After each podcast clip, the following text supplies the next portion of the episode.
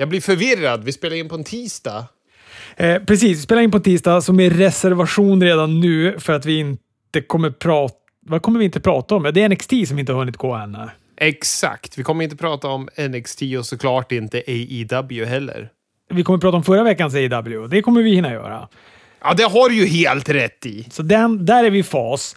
Och det blir Takeover, det blir Smackdown, eh, det blir lite annat lullull. Vi ska prata lite Darkside tänkte jag också.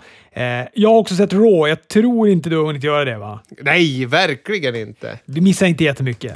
Det är beundransvärt att, att du har hunnit se det. Alltså, jag har inte gjort det. Det var skönt. Ja, men jag klämde det precis. Alltså, jag sett, såg eh, sista, sista matchen utför, jag såg det utföras en Claymore kick här för kanske tio minuter sedan. Så att, eh, Oj! så att jag har det färskt i huvudet. Men jag blir ändå glad när jag hör att det är en Claymore kick i slutet istället för en docka.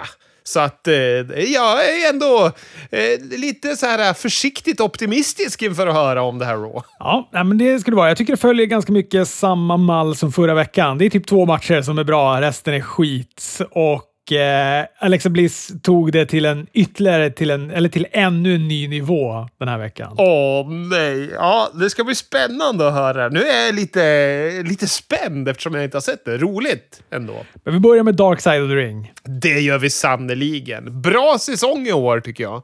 Mycket bra säsong. Alltså jag tror att det här... Nu, jag, jag satt och tänkte på det när jag skrev ner eh, lite om Jake the Snake Roberts-avsnittet här. eh, Att eh, jag har nog varit peppad på alla... Jag har nog tyckt att alla avsnitt har varit riktigt, riktigt bra. Jag vet inte om jag tyckt det. Annars har väl säsongerna varit lite småsvajiga, va? Ja, jag håller med. Och vad heter det, det enda som liksom jag inte gillade, det var ju att jag inte kunde titta hela tiden när det var Nick Gage. Jag tyckte ju det var ett intressant avsnitt, men jag, jag är fortfarande förbannad på att han är en idiot.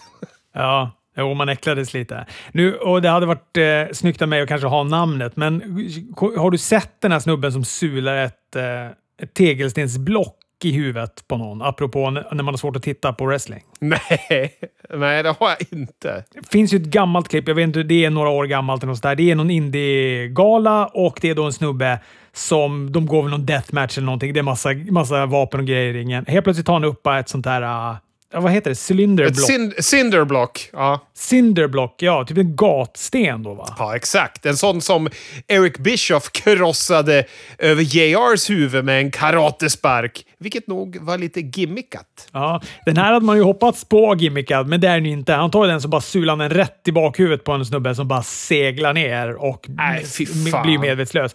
Allt upphör. Jag tror att den här snubben var banned from wrestling från dess.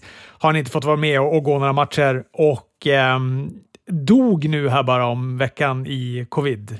Jaha. Oj. Ja, det var ju en munt, munter start på den här podden, men eh, så blir det ibland. Apropå när man ser saker som man börjar så här, jag önskar att jag inte såg det där. Och det var ju lite som med Nick Cage-avsnittet. Det, det var flera gånger som det var alldeles magstarkt. Jag var tvungen att stänga av flera gånger, blev arg någon gång där i mitten också, när han började med den jävla pizzaslicen. Ja, fy fan alltså. Det var för bedrövligt. Men det var ju ändå ett spännande avsnitt. Det var, det var ändå... Ja, ja. Jag hade, kände ju inte till eh, han överhuvudtaget. Men Han har ju cirkulerat förbi så här, i internetrubriker, men det är ju liksom eh, längden av eh, bekantskap jag har med honom. Men, eh, ja, men jag tycker det var intressant. tycker även det är lite intressant att det har ju blivit någon form av Nick Gage revival nu, för han har ju någon fade med Moxley, vilket känns väldigt så här, oroväckande. Ska Tony Khans pengar läggas i händerna på en före detta bankrånare med pizza slicer?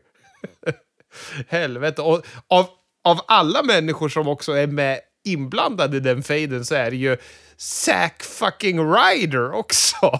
För Matt Cardona klädde ju ut sig till Moxley och dök upp på någon sån där jävla gala. Det är helt bananas. Ja, det känns som att det där är långt ifrån Zack Ryder. Ja, den här, att gå mot Nick Gage. Men det är väl det, de får lite så här, de, vet, de får lite uppmärksamhet oss i och med de här Dark Side-avsnitten. Det börjar liksom krängas lite t-shirtar på Pro Wrestling Tees och så sen så är de ett, ett snack, en snackis igen. Jajamän. Men, ja, men jag, han kommer aldrig dyka upp på AW den där killen. Det är nog bara i sådana fall Moxley som, som säger så här, jag måste få gå och göra grejer med honom och så säger Tony Khan, ja, egentligen vill jag förbjuda dig, men jag gör väl inte det för att jag är rädd om din och min relation. Ja, men ja, det är ju så vanskligt att ha en toppstjärna i händerna på den banden. Det är det jag känner. Fy fan. Ja. Apropå det, såg jag precis innan vi började spela in att de har fått sitt barn nu, eh, Renee och eh, Moxley. Jaha, vad kul. Ja. Allt har gått bra då alltså? Ja, jag frågade inte, men eh, jag antar det. du hade fått ett sms. Det är skönt att ni fortfarande har den relationen. Ändå. Kommer du en bild på så ny, nykläckt barn du vet, som knappt så skelar och knappt kan... Ja, kladdig och så bara står allt gick bra, väger si och så mycket. Puss och kram, Moxley.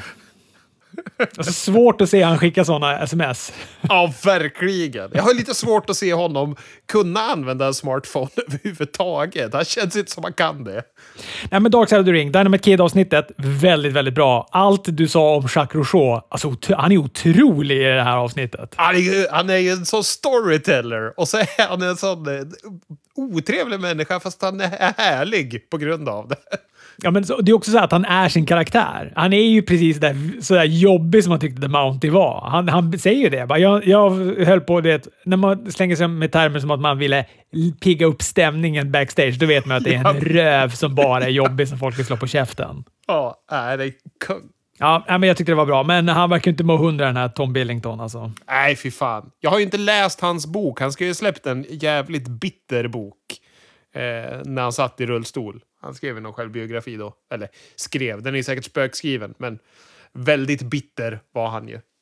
Sjukt också att se klippen där med när han går matchen mot eh, Tiger Mask. Vet, du pratade om det förra gången, men det känns ju som att de, när man såg klippen i eh, dokumentären, så känns det som att de har satt på ett så här, två gånger hastigheten-filter. Och så kollar man upp det och så bara, nej, det var så där snärtigt och snabbt i verkligheten också. Ja, det är helt sjukt. Alltså, det är ju det är modernare än modern brottning på något vis.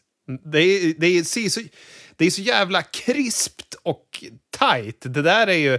Chris Benoit måste ju haft våta drömmar om att vara så där jävla tight i sin brottning. Det är helt sjukt tycker jag. Ja, men gud vad han påminner om Chris Benoit. Eller att vad Chris Benoit påminner om honom. Och även Owen Hart i många grejer. Alltså, man ser ju verkligen att de har hämtat inspirationen från den här Oh snubben. ja, oh ja. Snacka om att vara före sin tid. Och eh, jag vill bara säga också om Grizzly Smith-avsnittet tyckte jag också var väldigt, väldigt bra. Man visste ju att det skulle bli mörkt, men eh, det var fan ännu mörkare än vad jag trodde. De här incestprylarna och det, alltså, ja, det var Ja, fy fan. otroligt stökigt. Och hon, eh, Rockin' Robin, syrran till Jake the Snake, hon var otroligt bra i den här. Ja, det tycker jag. Men, och det, det sjuka är, för man har ju ändå sett Jakes del av det här i Beyond the Mat, visst heter den väl så? Den gamla 90-talsdokumentären. Eh, eller om det är 2000-talsdokumentären. Hur som helst har man ju sett det, så man tänkte det kommer ju komma vad heter det, till ett väldigt mörker den här. Men då tar de ju hissen ner fyra, fem våningar till där det blir liksom bara Jaha, det var ännu mer lager i den här jävla familjen. Det är helt sjukt. Och så slutscenen med Jake, det är, det är alltså bland det starkaste jag sett. Det är en sak att vara lite tuff och du vet ha inställningen att man har levt ett stökigt liv och att man är ärrad av en vidrig barndom och sådär. Men att också att han liksom på riktigt kan adressera utsatta och berätta att det finns hjälp och att det är viktigt att tidigt, tidigt tala om för någon om man har känslan att någonting är fel och så här. Alltså det, det var magstarkt alltså. Ja, men gud ja. Ah, ja. Väldigt, man blir väldigt berörd av hela det där avsnittet på många sätt. Fan. Ja, pangsäsong av Dark Side of the Ring. Alla avsnitt var riktigt bra. Roligt. Verkligen. Läser också att Cody ska starta en podd som inte ska handla om wrestling. Värdelöst. Nähä. Vad ska den handla om? Cigarrer. Nej, ska du göra det? Han har ju sitt cigarrmärke. Ja, han har ju det. Det var, det, var därför jag tänkte att det kanske... Men det känns... Vet, vet du vad det känns som att han kommer podda om? Vad? Entreprenörskap. Det är väl klart att det är det. Han håller ju på och bäddar för sin politiska karriär. Vi såg ju det på Dynamite när det var stor jävla amerikansk flagga. Nu tar han ju och brer på med det rejält på sin smörgås här. Ja, jag kommer inte lyssna, men eh, känner han att han har tid att podda också samtidigt som man ska driva ett förbund och eh, bli en enbars, enbars barns far så får han väl göra det. Japp. Ska vi eh, börja prata om... Jag tror att jag vill börja prata om Smackdown. Ja, men då gör vi det. Om du inte hade något annat du vill eh, flika in innan showtugget. Nej, nu är jag sugen på att börja snacka shower, vet du. Smackdown eh, börjar då med Osos och Roman. Eh, de har ju ett och annat att reda ut. Roman och Jimmy Uso och Jay Uso fastnar ju då emellan den här konflikten. Det är de första 10-12 minuterna handlar ju om det här. Kanske att det här segmentet mellan de här tre hade kunnat komma efter första matchen. Jag tycker att det är okej okay att de börjar med prat om det finns något fängslande att prata om. Men det här har vi ju... Jag ska inte säga att vi redan har sett det, men vi känner ju redan till det. Att det liksom finns slitningar och att Jay sitter i en rävsax mellan de här två.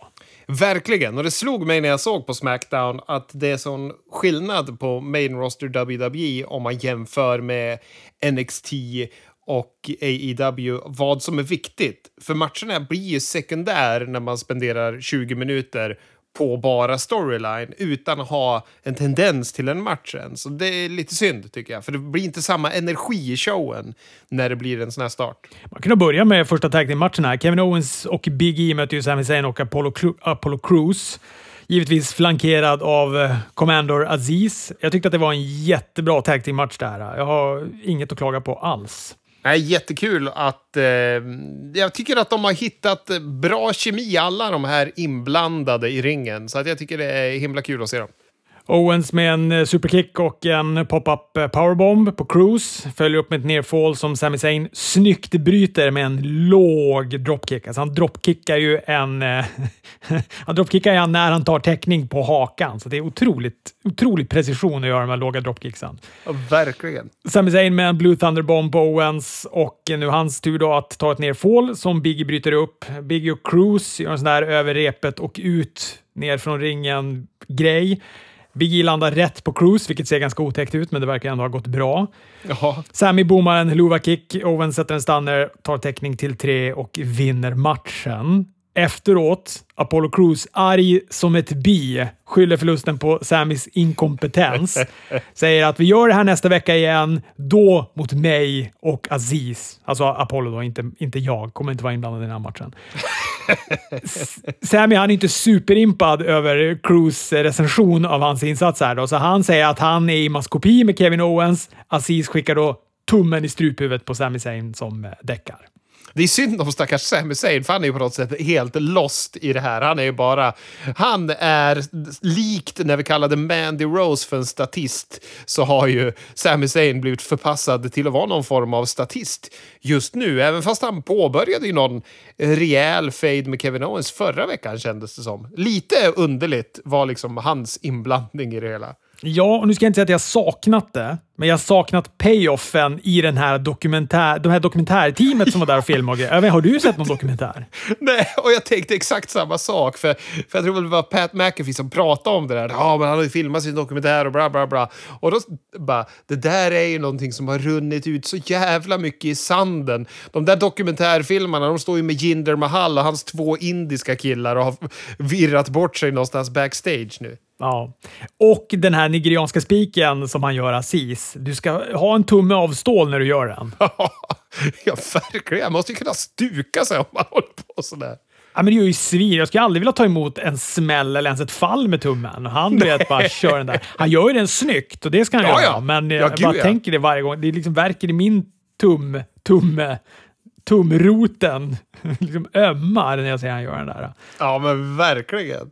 Ellie Morgan och Camella de går match även den här veckan. Den är helt okej. Okay. Det är en 50-50 bokning. Den här gången är det Liv Morgans tur att vinna och hon gör det med sin flatliner. Det var väl typ det enda hon fick in i hela matchen. Det var en väldigt ensidig match då.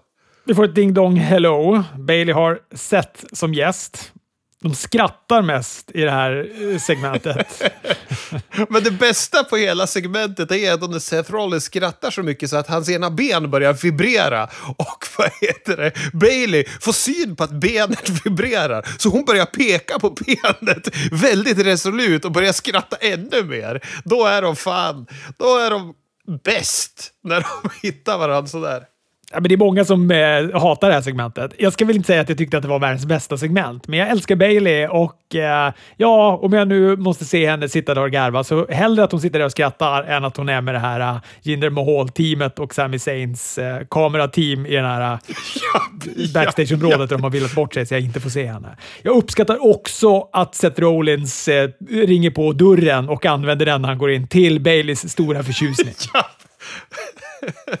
Ja, att han är, han är good guyen i hennes ögon och gör precis som hon vill. Jag tycker segmentet är roligt fram tills payoffen med segmentet kommer. För sen har vi ju Cesaro som kommer och plingar på och blir förvirrad. Då tycker jag då är det ett klassiskt så här, äh, ja, men, dåligt talkshow-segment. Men just när de håller på och freestylar och så, så har de härlig så här vansinnig kemi med varandra.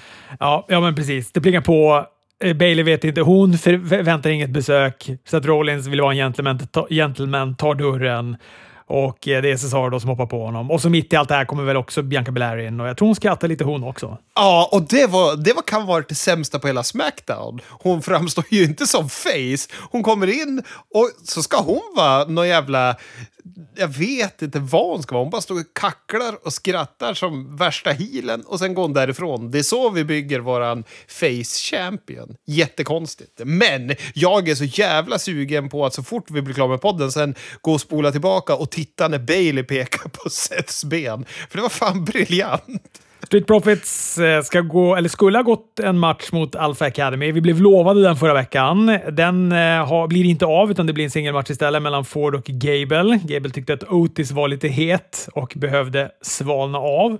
Jag trodde att han var skadad Otis, men han dök ju upp sen, så att, eh, de ville bara inte ha en match. De ville bara inte ha den enda matchen som de hade annonserat i förväg vi skulle få se.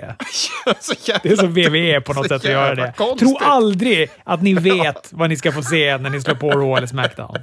Matchen mellan Ford och Gable är, ja, den är bra. Det är ganska väntat också. Det är två bra brottare. Tyvärr ett ganska svagt slut. Vi ser Dawkins titta på matchen backstage. Plötsligt blir han då påhoppad av eh, Otis bakifrån i ringen. Ford med en spinebuster och ett nerfall. Fortsätter sin sinnessjuka frog splash, tar ett pinfall som Gable kickar ut i sista möjliga nanosekund. Plötsligt så hoppar Otis in, ger sig på Ford och det hela landar i en eh, diskvalifikation. Jag misstänker att Otis missade att hoppa in i tid, att han skulle bryta det där pinfallet. Jag tror inte att Chad Gable skulle kicka ut den där frogsplashen. Nej. Nej. Och det är så fånigt. Varför? Han kan ju ta det pinfallet. Och så kan bara Otis... Alltså det är så dumt att han kickar ut där då. De kunde ju försvarat eh, movet kan jag tycka och fått samma effekt av att Otis kommer in sent och däckar han. Äh. Ja, men gud ja. Det hade ju sett, på ett sätt hade det ju varit mycket bättre för, för Montesford och för, för finishen ifall han hade bara skitit och kickat ut och blivit uträknad och sen hade Otis hoppat in. Alltså, det hade rimmat mer med Chad Gables karaktär slash status. Men hej, Gable ser ju råsfet ut när han kickar ut Montesfords Frog Splash. Oh ja! För tredje veckan i rad får vi Shinsuke Nakamura flankerad av den odödliga Rick Boogs. Han möter King Corbin. Det är, ja, det är också samma match som vi har fått tre veckor i rad. Den här veckan så var det Nakamuras tur att vinna. En eh, betydelselös roll-up ger han vinsten och Nakamura poserar med kronan i ringen samtidigt som Boogs spelar luftgitarr. Det här måste ju ta slut. Helt enkelt. Ja, men det gör det väl nästa vecka. Det landade ju i en femte avgörande match nästa vecka då, där kronan är på spel. Mer mellan Osos och Roman. Roman kliver in i Osos eh, omklädningsrum. Något Roman haft väldigt roligt åt under kvällen, att de har ett eget omklädningsrum. Det tyckte jag var kul. De gafflar på tills eh, Jay Uso får nog, lämnar. Sen utmanar då Jimmy Roman att nita han, men Roman bara “Vadå? Jag vill inte slåss. Varför ska jag vilja det?” Sen klipper han då en passionerad promo om vikten av familjen och släktbanden som är jätte, jättebra och en guilt trip utan dess like. Jajamän. Ja, det slutar aldrig vara bra det här. Så jag tycker också det blir ett bra segment med Roman då, för Rey Mysterio ropar ju Roman till ringen. Han vill ha Roman på Hell Cell. Roman ska då svara lugnt, sansat. Börjar han prata, men då plockar Ray fram en kendostick och börjar slå på honom som en vettvilling. Ja. Roman tar sen eh, kontrollen, får ner Ray, ska gå för en Superman punch, men då kommer ännu en omgång kendo-sticks. Den här gången är det då Dominic som har letat sig in och börjat slå på honom. Han slår på Roman ett tag, men Roman tar tillbaka kontrollen, kastar ut Dominic från ringen med en eh, powerbomb. Självklart på en crashpad, men tyckte ändå att det såg ganska elakt ut när han sular ut den på det där viset. Tycker det var jättebra hanterat. Det var superbra vinkel. Den där kamera, den där bildproducenten skulle de haft på AEW när Jericho föll från buren. Sen kommer det då funktionärer och pers personal och får bort eh, Roman och eh, Smackdown avslutas. Ja, men det var ju ett, eh, ett bra Smackdown, fast den hade fler dippar än vad det brukar ha, tycker jag. Jag tycker att dammatchen inte var speciellt bra. Tyckte att Bianca Belair framstod sämst och så var det ju tråkigt med slutet på Montes Ford-matchen. Liksom. Och så Corbin Shinski har jag fått nog av. Ja, men då fick vi ett, fick vi ett skakande Seth Rollins knä och Ja, eh, Rick Boogs luftgitarr och Roman Reigns och sådär. Så att, ja, men jag, ja, men jag håller med. Det är absolut, det, var, det är... Um, men jag hade en bra känsla i magen när jag slutade se det här. Jag gillar Smackdown. Jag ser fram emot nästa vecka och de har råd, Smackdown har ändå råd med några snedsteg. Ja, och när man tänker så här, när det här är ett snedsteg, då är de på ganska bra kurs. För det var ju fortfarande underhållande och det är ju så lätt tittat Smackdown på något vis. Det går fort att titta på Smackdown.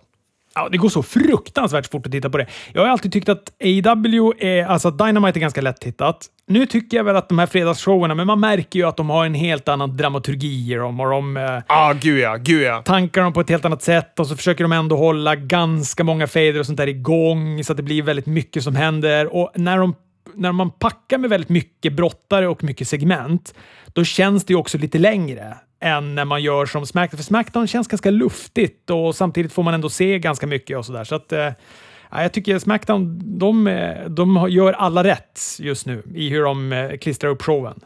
Förutom starten, det måste de fan få ha, höra en gång till. Ge oss en match i början, sen är jag nöjd.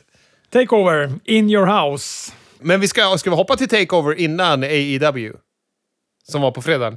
Nej, det ska vi verkligen inte göra. Vi ska självklart ta AW innan. Jag hade bara tagit fram fel anteckningar här. Där har vi AW. AW öppnar med att eh, vi får se Pinnacle anlända i en lång vit limousin till Daily's Place. Matt Hardy klipper sedan en promo på Christian Cage. Han har Hybrid 2 med sig också. Christian Cage går sedan då en match mot Angelico som eh, är bra. Han får till och med Angelico att mattbrottas en hel del. Ja, jag är överraskad över att jag tyckte den var så pass underhållande som den var. Och att de inledde med den i och med att det är mycket mattbrottning. Det var lite vågat, tycker jag. Christian undvek en attack i ringhörnan, satte en eh, pendelspark, diving uppercut, band upp en killswitch, gav Matt Hardy onda ögat, satte sin switch och vann matchen. Efteråt så hoppar Evans på Christian och Hardy går på honom också med Twist of Fate. Då kommer Jungle Boy rusandes till ringen för att hjälpa sin eh, nyvunna vän. Jävlar vilka ovationer han får nu, Jungle Boy. Det var väl tejpad publik, men man dras med av det ändå. Så det ska bli jättespännande att se vad Kenny Omega kan plocka fram ur honom. För han är också en sån här, han lyfter ju folk till astronomiska nivåer. Så det kommer bli superspännande att se den. Vi får en intervju med Cody. Vi får veta att Brock Anderson, Arne Andersons son, ska göra debut nästa vecka. Han är med Cody in och han ser exakt ut som sin pappa. Det är otroligt vad lika de är. Ja. Och att de har samma garderob också.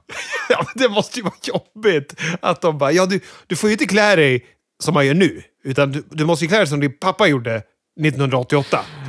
Färger, kulörta färger på pikétröjan och eh, chinos-shortsen. Går de ens att ja. köpa idag, de där chinos-shortsen? Nej, jag tror inte det. Alltså, men det är jätteroligt. Men ja, det är ju den vad heter det, liksom second generation brottaren som är mest lik sin förälder av alla någonsin. Det är helt sjukt ju. Ja.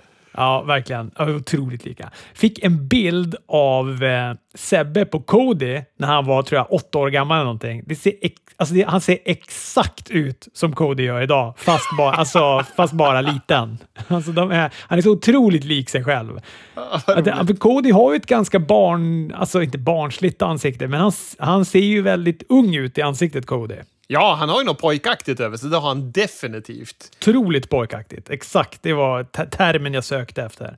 Ja, men han, eh, så att, eh, det var som att man bara hade krympt, du vet, dragit ner i hörnen på så här uh, Photoshop när man gör en bild mycket, mycket mindre för han var så kort när han stod där. Jag tror att det var någon Hall of Fame eller någonting med Dustin Rhodes när han, när han stod med pappa där på en bild. Otroligt roligt. Men Brock, jag är taggad på att se honom. De har ju pratat om honom på Arns podcast, någon av de första eh, avsnitten han gjorde med, med Conrad eh, när han startade upp den podcasten. Och eh, jag har sett fram emot att få se honom och nu dyker han ju upp här i AEW, så det ska bli spännande.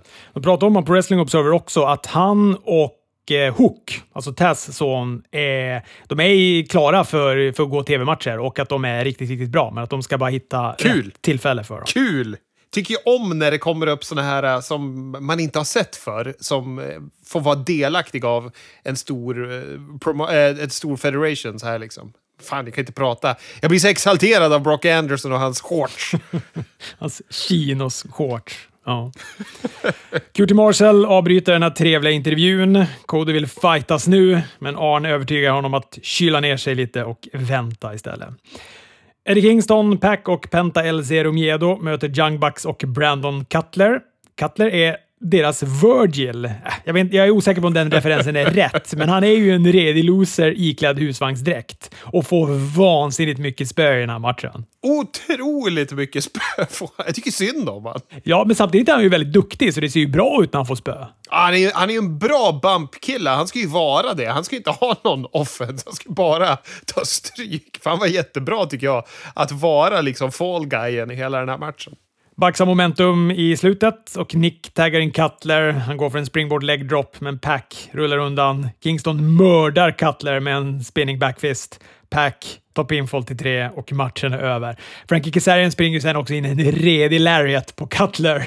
Att det blir ju det blir stökigt efteråt och då kommer han ju inspringande. Så att mycket spö till Brandon Cutler under den här episoden. Ja, verkligen. Gillar hur Frankie Kazarian såg ut i skinnjacka och skäggstubb faktiskt. Ja, men verkligen. Jag, tycker, jag gillar hela den här matchen också. Jag tyckte det var en kul match. Ja, gud ja. det, här kändes, eh, det kändes som eh, business picked up när den här matchen drog igång. Och det var underhållande rakt igenom.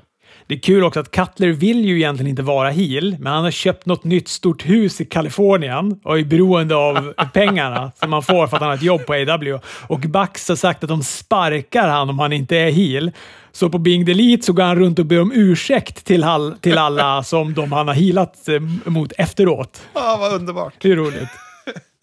Sen får vi ett otroligt roligt klipp när Don Callis visar en film från Double or Nothing där han då har manipulerat bilderna en aning. När han då skickar in de här bältena till Omega så har han då textat att, pub- att publiken skanderar “Thank you Don”. Japp. Otroligt roligt. Och när Omega vinner också, det är bara bilder på en glad publik som applåderar stående. Barn står och vinkar till Kenny Omega. Otroligt roligt. Ja, väldigt bra. Väldigt bra. Det är, det är skönt att ha en sån här pajas heel som kan back it up i ringen. Jag tycker om den eh, twistningen på den här eh, klassiska gimmicken ändå.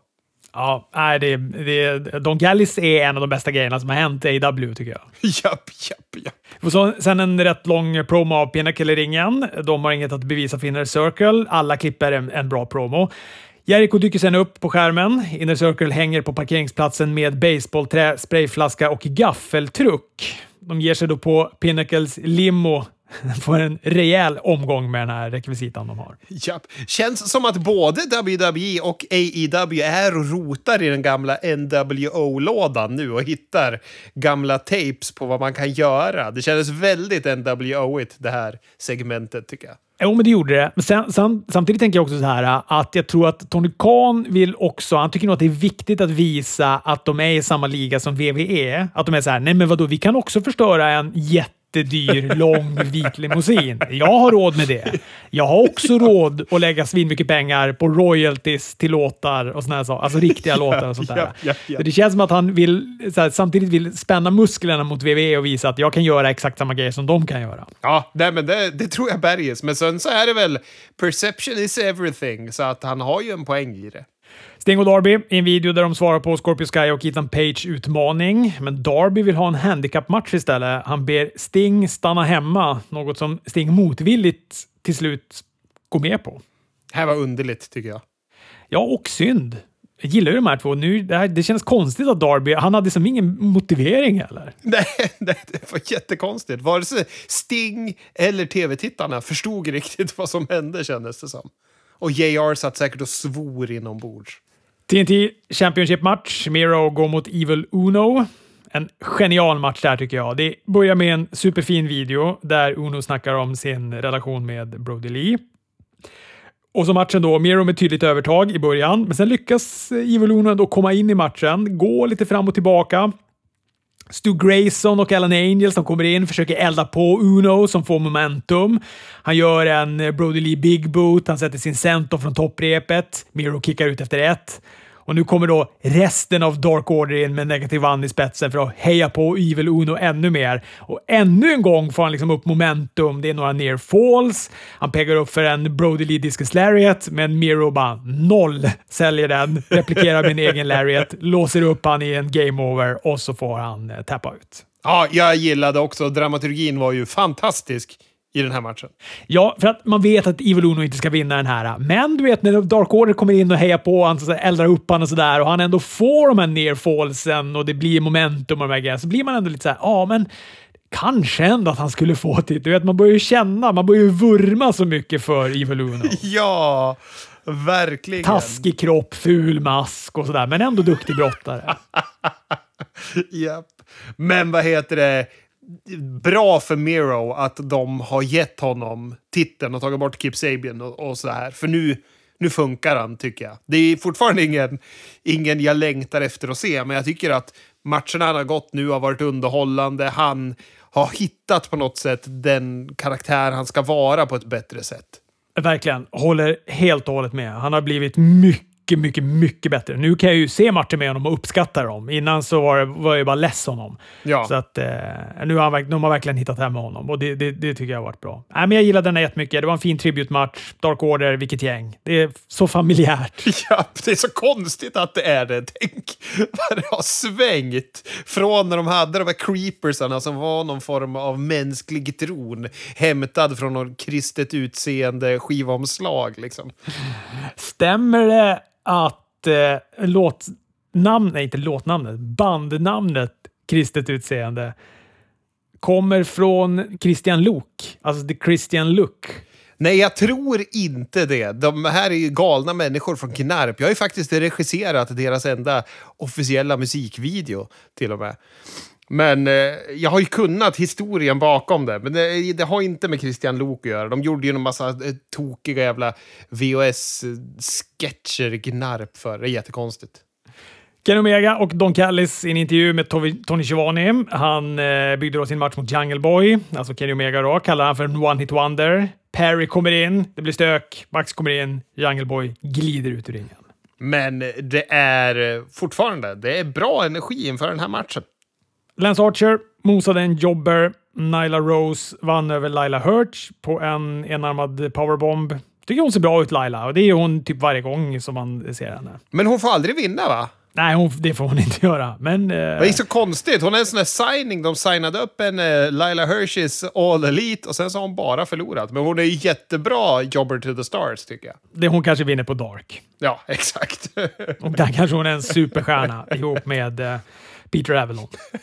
Main eventet, Hangman Adam Page och Preston Ten Vance går mot Team Taz. Det är Brian Cage och det är Powerhouse Hobbs. Det är samma upplägg som Cage och Page pay per view matchen Det är en bra match. Ricky Starks och Hook kommer in under matchen. Hook distraherar domaren. Starks humpar in den sumpiga FTV-titeln till Cage, men Cage kastar den åt sidan. Starks örfilar till Cage som svarar med att jaga han från ringen. Ten försökte utnyttja situationen, men Hobbs plockade han i en spinebuster. Page bröt ett pinfall i sista sekund. Hobbs kastar ut Page ur ringen, Ten är snabb med en ripcord cutter. Page på benen igen, in med backshot lariat. Ten tar pinfall på Hobbs och vinner matchen. Vad heter det? Jävlar du, Will Hobbs. Tänk vad han har utvecklats under det här året. Jag tycker han ser väldigt bra ut i ringen. Jag tycker hans look är väldigt bra.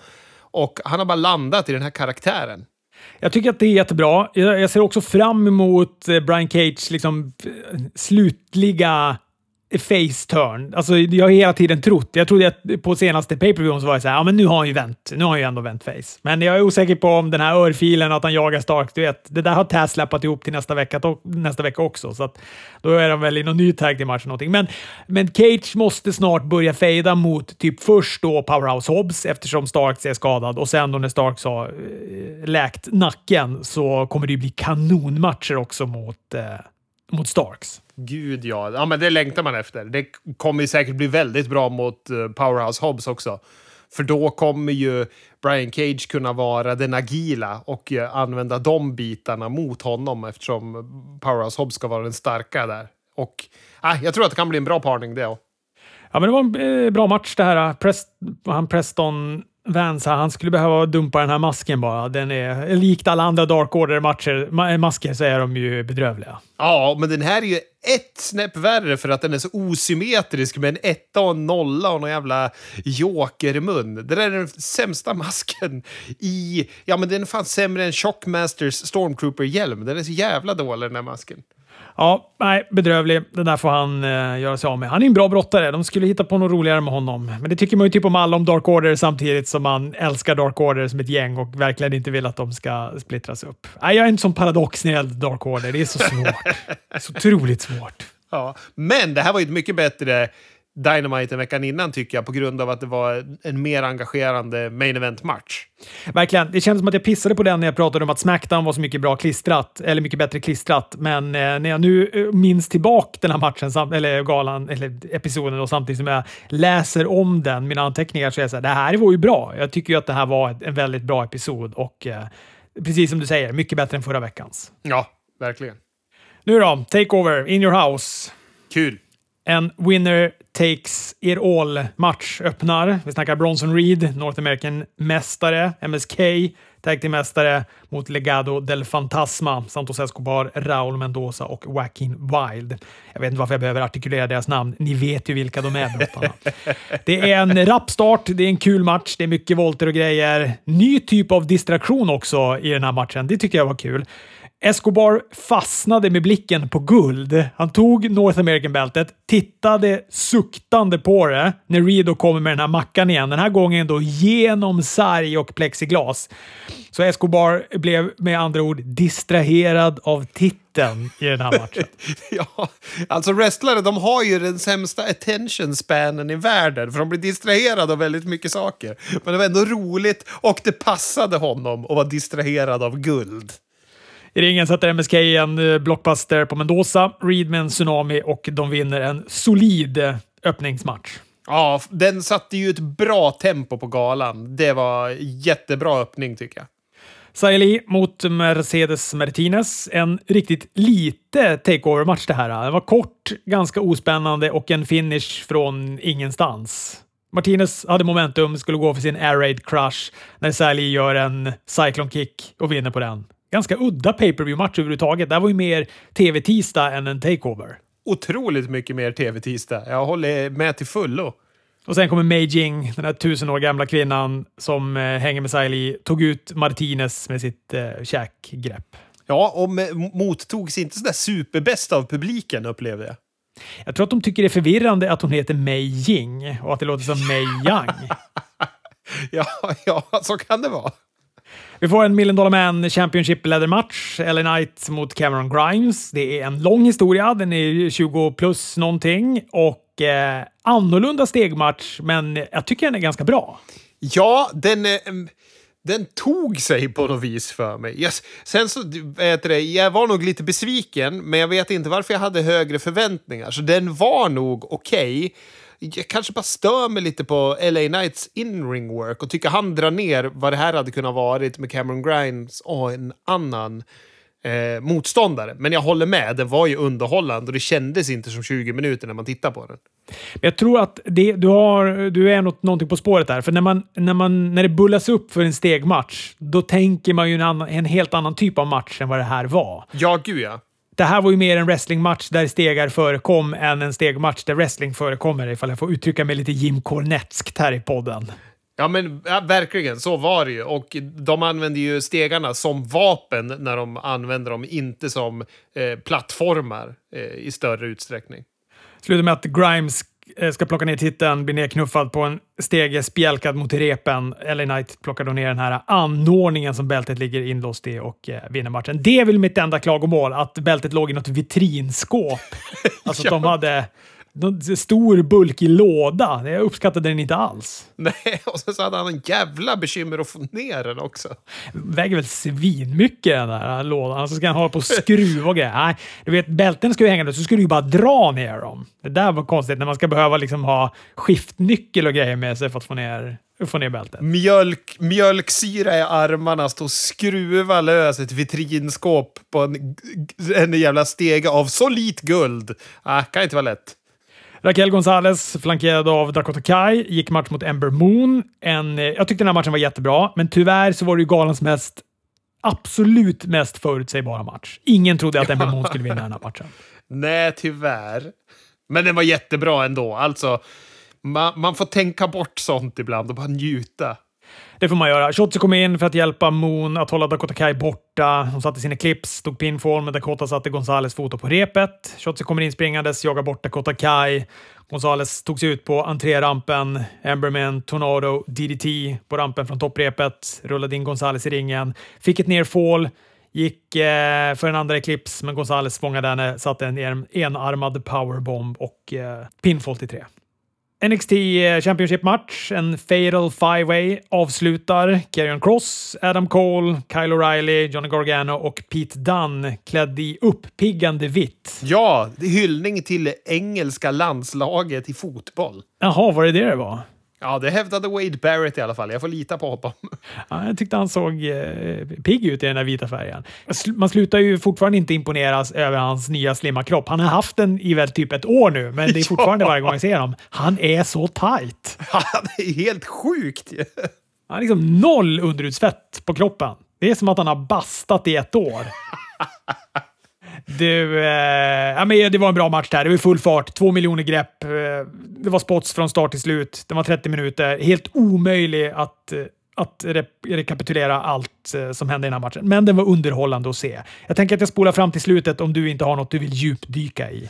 Nej, alltså det man kan djupdyka i är att publiken uppskattar ju inte Carrion Cross. Det var ju ganska mycket publik. Det här var ju det största publikantalet de har haft i det här Capital Wrestling Center-upplägget de har. Och Carrion Cross fick ju ljummet till bedrövligt mottagande i matchen. Och den var ju uppbyggd ganska mycket kring att få bort Carrion Cross stora delar av matchen så de andra kunde få briljera.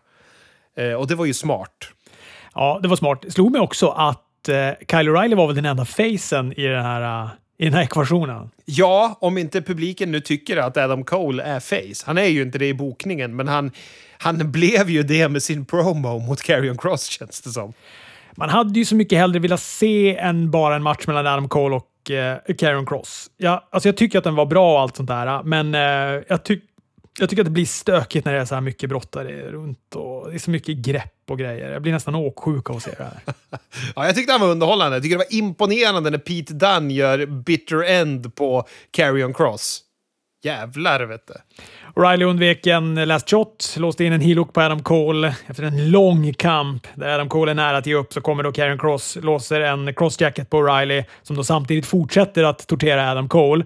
O'Reilly tuppar sen sakta men säkert av, släpper heelhooken och domaren slår av matchen och ger vinsten till Carrion Cross. Men vart ska de nu med Carrion Cross? Det känns ju väldigt svårt att veta liksom vart man går när han har spöat alla de här fyra. Ja, det var precis min fråga också. Who's next? Vad ska han göra nu? Vem ska ta titeln? Det är bara Finn som kan komma tillbaka och ta den då. Jag, alltså, jag har inget bra scenario. Vi spelar som sagt in det här på en tisdag, så vi kanske får något svar vem som är next ikväll. Det får vi väl prata om nästa vecka då. Man kan nästan hoppas att det blir en ren match med Adam Cole och att han får ta titeln. Men samtidigt blir det också så här, men vad ska Adam Cole göra då? Ja, ja vad ska han göra? Men eh, Adam Cole, han hade inte en Pete Dunn-kropp. Han verkar ju ha hängt med Joey Janella vid cateringbordet. Det var lite synd tycker jag, för att man vet ju hur hård eh, Vince är på hur folk ser ut. Och Adam Cole har ju inte heller höjden med sig. Han är ju inte speciellt lång liksom. Jag blev lite orolig när jag såg det. Han kanske tröstäter nu för att han inte får gå upp till main roster. Han kanske, han kanske känner samma sak. Vad ska jag göra nu? Jag har ingen aning om vad jag ska göra nu. Nej, precis. Och så röner Britt Baker så stora framgångar så har de råd att ut och fira en massa och sådär. Så att, eh, det kanske, ja, det är kanske är det som, som är orsaken bakom det. Efter den här galan så fångas ju då William Regal för en intervju om spektaklet. Han säger då att sju år som general manager och jag har aldrig varit med om ett sådant kaos. I think it's time for a change. Och så lämnar han med en tår i ögat. Och det är väl Samoa Joe går det rykten om? Ja, ryktet säger ju det, vilket gjorde mig väldigt... Eh, ja, det gjorde mig väldigt eh, perplex. Han har ju fått sparken, men, men det, han är väl kanske... Han kanske har fått sparken för sitt brottarkontrakt då och har något annat typ av kontrakt. Eh, ryktet säger ju att det är Tri- Triple H som har sagt att han får vi inte släppa. Nu tar vi tillbaka honom, nu använder vi honom. De är nog eh, oroliga att någon annan doktor clearar honom och han skulle kunna set the world on fire någonstans.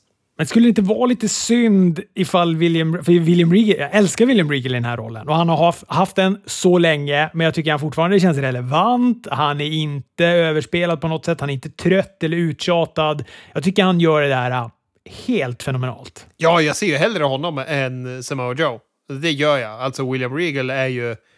Han är fantastisk i allt han gör, tycker jag.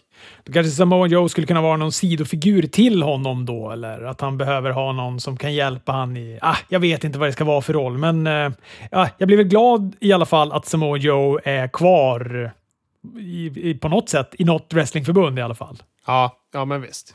Ja, vi får väl se. Det här kanske redan har utspelat sig och eh, ni kanske sitter på alla svaren när ni lyssnar på det här. Som sagt, vi har inte hunnit se eh, tisdagens eh, NXT när vi spelar in här. Ska jag berätta lite om Raw? Ja, gör det. Nu, nu är det bara sitta och luta mig tillbaka och njuta. Jag ska stöka av det här rätt snabbt. Det var ett ganska rörigt Raw, hör och häpna. Det börjar med att Nia Jax utmanar Alexa Bliss i en match. Hon eh, är där i sin gunganordning. Nia Jax är otroligt dålig skådespelare när hon klipper den här promon och Alexa Bliss då håller på att replikera. Det enda hon kan, det är att himla med ögonen.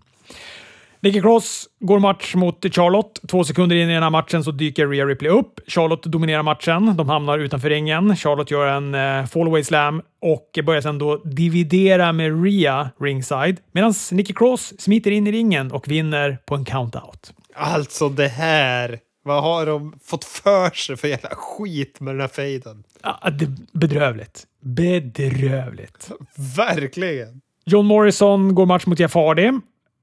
När jag ser den här matchen så tänker jag så här. Hardy börjar se väldigt styltig ut. Alltså allt går lite för sakta. Han saknar passion.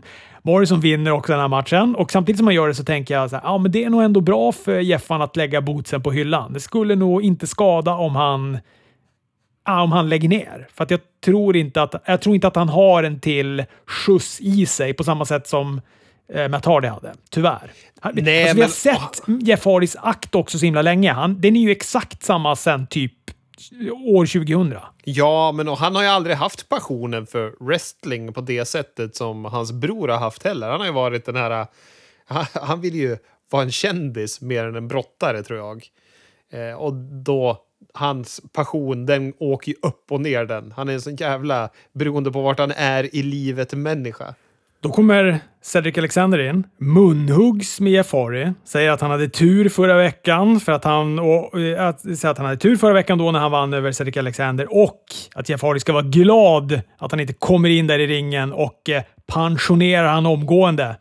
Då replikerar Jeff att han sätter sin karriär på spel i en match här och nu. Oj! Och, och då tänkte jag så här, jaha, det är så här det slutar för Jeff Hardy. En sån här, ett sånt här långt uselt Raw en måndag i juni, helt utan hype och publik. Då ska det liksom ta slut för Jeff Hardy. Sekunden innan så har jag suttit och tänkt att det vore nog bra ifall, ifall det tar slut, men då bara kände jag så här, nej men det här är ändå inte ett värdigt sätt att avsluta en kar- eh, karriär på. Det blir match. Cedric kontrar en Twist of Fate med en Michinoku Drive, tar ett pinfall till två. Han ska sedan håna Jeff Hardy med en Swanton Bomb, men Jeff han, eh, puttar undan han. Han eh, duckar också en Neutralizer, sätter en Swanton Bomb och vinner matchen. Så ja, falskt alarm. Jeff Hardy har fortfarande en karriär kvar. Det var väl för väl.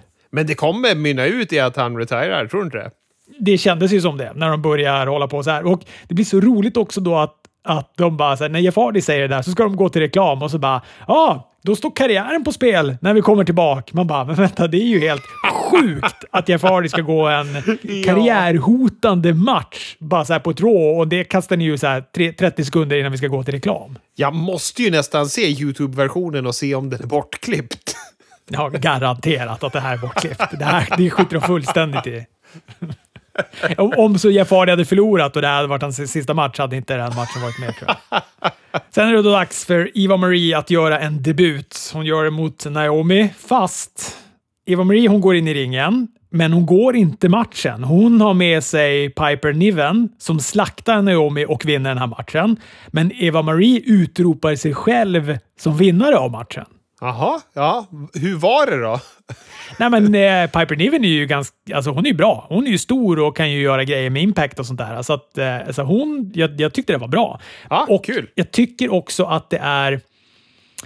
Nu vet jag inte om det är så här det kommer vara. Att det är det här som är Eva-Maries grej. Att hon inte är en brottare, utan att hon egentligen är en manager och att det är Piper Niven som är brottaren. Men hon, så att vi kommer hela tiden få se Piper Niven gå matcherna och Eva-Marie var den som utropar sig själv då som vinnare av de här matcherna. Och eh, ja, det är något nytt och jag tror att det är matcher jag ser hellre än vad jag ser Eva-Marie. Nu är det länge sedan jag sett Eva-Marie, så att jag kan inte uttala mig om hennes wrestlingkunskaper, om de har utvecklats eh, pyramidalt de senaste åren. För när hon väl brottades för några år sedan så var det ju inte bra. Nej, verkligen inte. Och jag tror inte hon har gjort en Carmella-utveckling.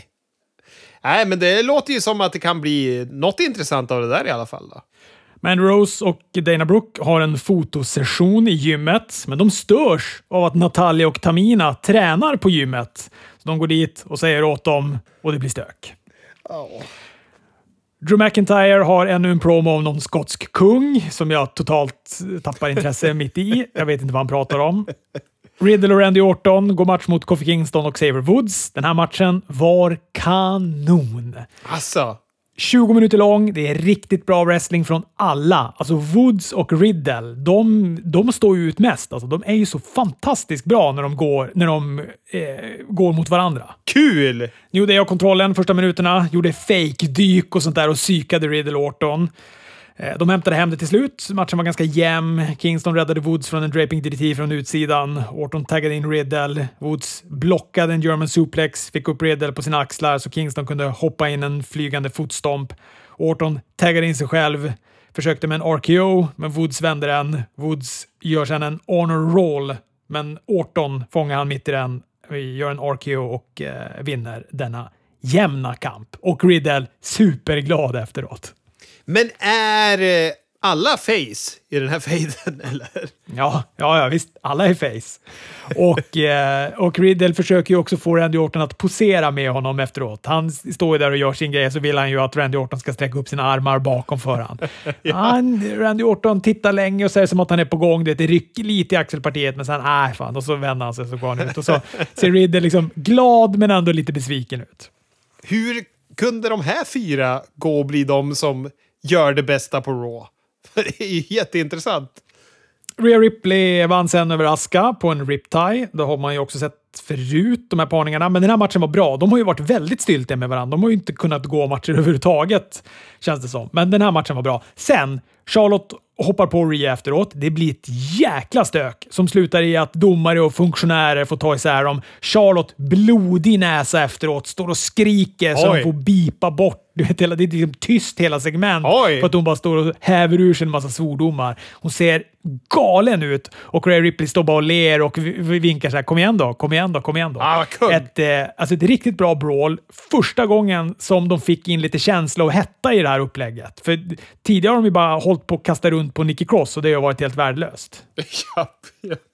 Ja, men vad skönt, vad kul att eh, det låter som att det kan bli bra inför filmen för matchen. Alltså promopaketet innan från det här brawlet. Och då kan vi få lite känsla när vi ska se när de gör upp om titeln. Ja, men det- alltså, jag, jag säger det igen, det är inte svårare än så här. Nej! Alltså, det är en sån här grej och så är jag helt, helt plötsligt är jag super på. Nu vill jag jättegärna se den här matchen. Det kommer bli jättebra. Ja. Jag har hållit på att dalta med en massa konstiga grejer med Nicky Cross i två, tre veckor innan som har varit helt värdelöst och bara gjort att jag inte vill se matchen. Och så gör man en sån här grej, den tar en och en halv minut och så är jag supersugen.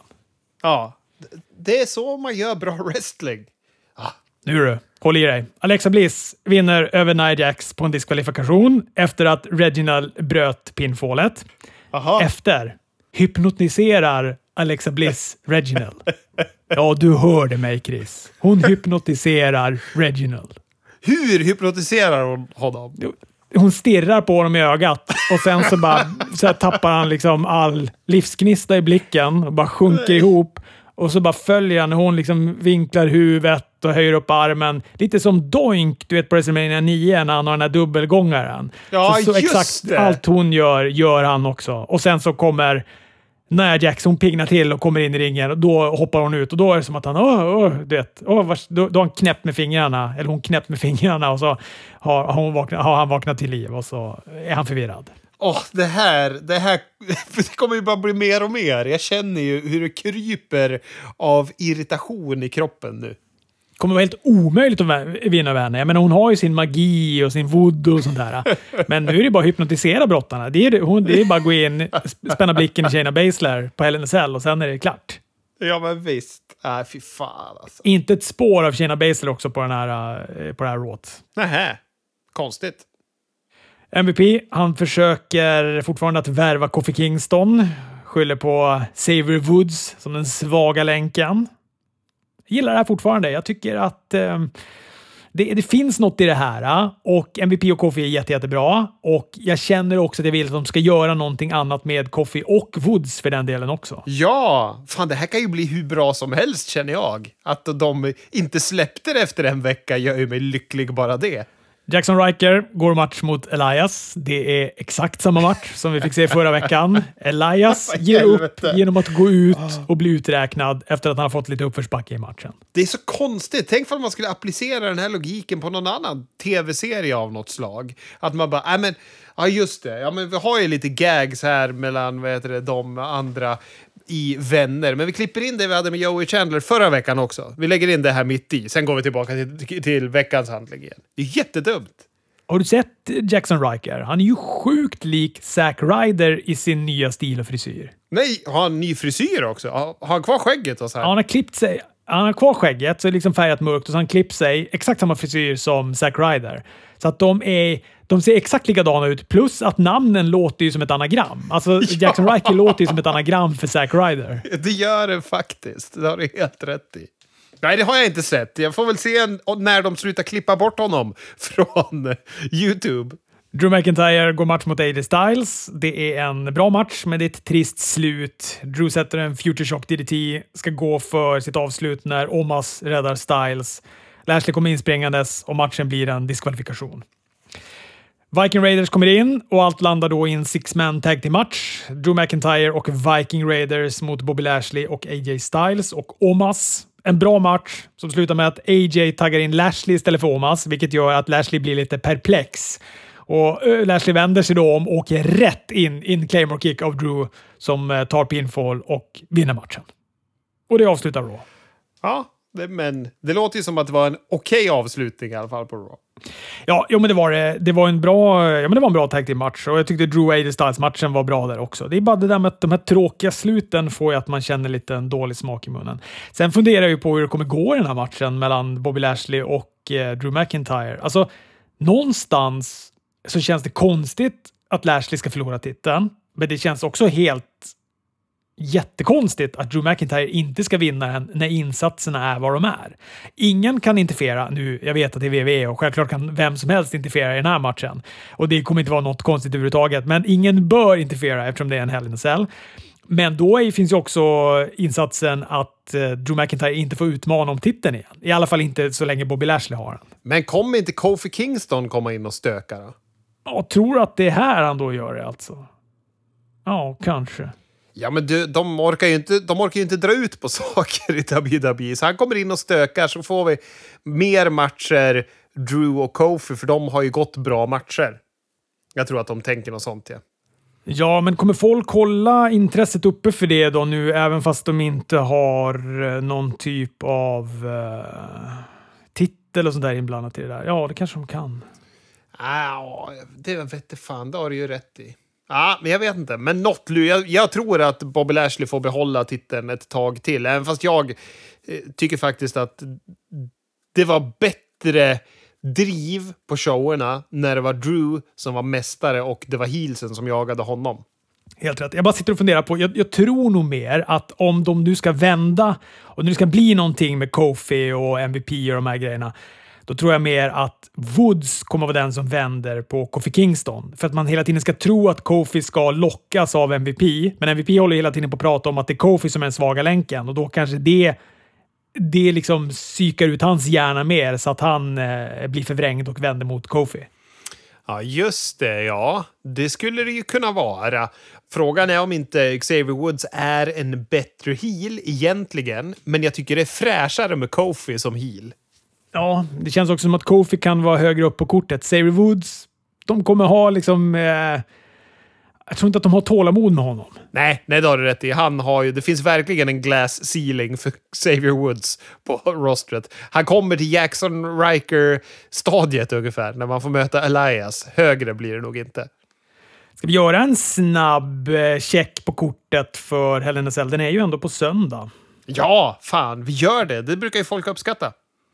Vi har Hell SL-match, Cesaro mot uh, Seth Rollins. Är det en a Cell-match? Det är det väl inte? va? Nej, det tror jag. Det är väl en vanlig match, tror jag. Ja, det borde det vara. Ja.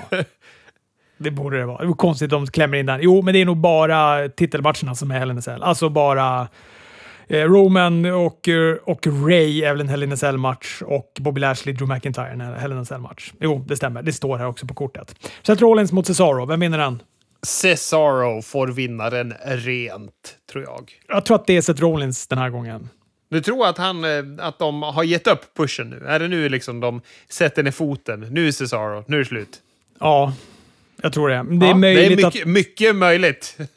men det är möjligt att Cesaro har någon returmatch sen, kanske där, men jag tror nog att nu vill de ta steget igen med Seth Rollins. De vill, ha, de vill få upp Seth Rollins också inför att det kommer komma in publik och sånt där, tror jag. Ja, så kan det mycket väl vara. Men jag, jag tror fortfarande Cesaro för att säga annorlunda. Den passar ju nu. Du vet att jag hade 100% i eh, tippning förra, förra WWE-PPUn, va? 100 av 100. Enda anledningen att jag slutade på andra plats på den här Please Don't Try This At Home-bloggen, det är för att jag lämnade in min tipprad timman efter den snubben som vann.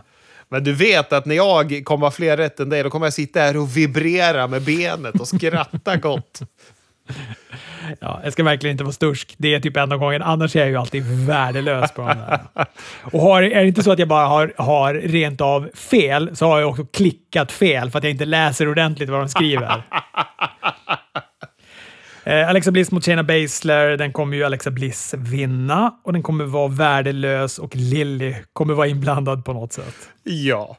Även jävla hypnotiserad Reginald på något vis nu då, tydligen. Vad tror vi om Bianca Belair mot Baylor då? Bianca Belair, hon behöver få titeln när publiken kommer tillbaka. Ja, det tror jag också. Men jag tror inte att det kommer bli ett rent avslut. Tror du det? Har Bailey... Jag tror att hon ja, kommer göra någonting med det här jävla håret och sen kommer det mynna ut i någon gimmickmatch att hon inte får ha flätan. Hon får ha typ hårnät eller någonting när de möts. Ja, det, det är kul. Det är, rolig, det är roligt att Bailey kräver att Bianca Belair har hårnät när de möts nästa match. Det skulle ju rimma med Baileys karaktär om inte annat. Verkligen. Verkligen. Ja, men hon har ju pratat om det, att hon tycker att det är ett vapen som hon går omkring med. Ja. Eh, vi har då Rhea Ripley mot Charlotte Flair, en match som jag först inte alls såg fram emot, men nu är jag svinpeppad på. Den måste ju nästan Rhea Ripley få vinna och få behålla titeln, men jag är lur på att Charlotte Flair kan ta den där. Jag tror Charlotte tar den. Men det är så synd om Rhea Ripley då. Om hon igen ska förlora mot Charlotte Flair och bara få ha titeln en sån här kort tid. Japp, det är därför jag tror det. Jag, jag tror att hon är så här snake bit. Det går inte bra för stackarn. Den här då? Den här är svårtippad. Roman Reigns mot Rey Mysterio. Hell in a Cell-match. så jävla mycket Roman Reigns. Förra gången så var ju Jey Uso inblandad 90% i matchen. Kommer de vara inblandade i den här matchen också? Kommer Jimmy Uso, kommer han ta klivet in här nu också då och hjälpa Roman tror De kommer ju vara inblandade, för de måste ju, det är ju det som är storylinen som drivs på. Så på något sätt så måste de ju vara inblandade. Bobby Lashley mot Drew McIntyre, och den har vi snackat om. Eh, jag tror och hoppas Drew McIntyre på den här. Och jag tror Bobby Lashley då. Bra, nu har vi lite olika. Det känns bra. Det finns tendenser till att jag skulle kunna sitta och vibrera med knät, men det blir väl du som kacklar likt Bailey när pay per har gått. Ja, vi får se nästa vecka då vi har facit. Hörrni, vi hörs.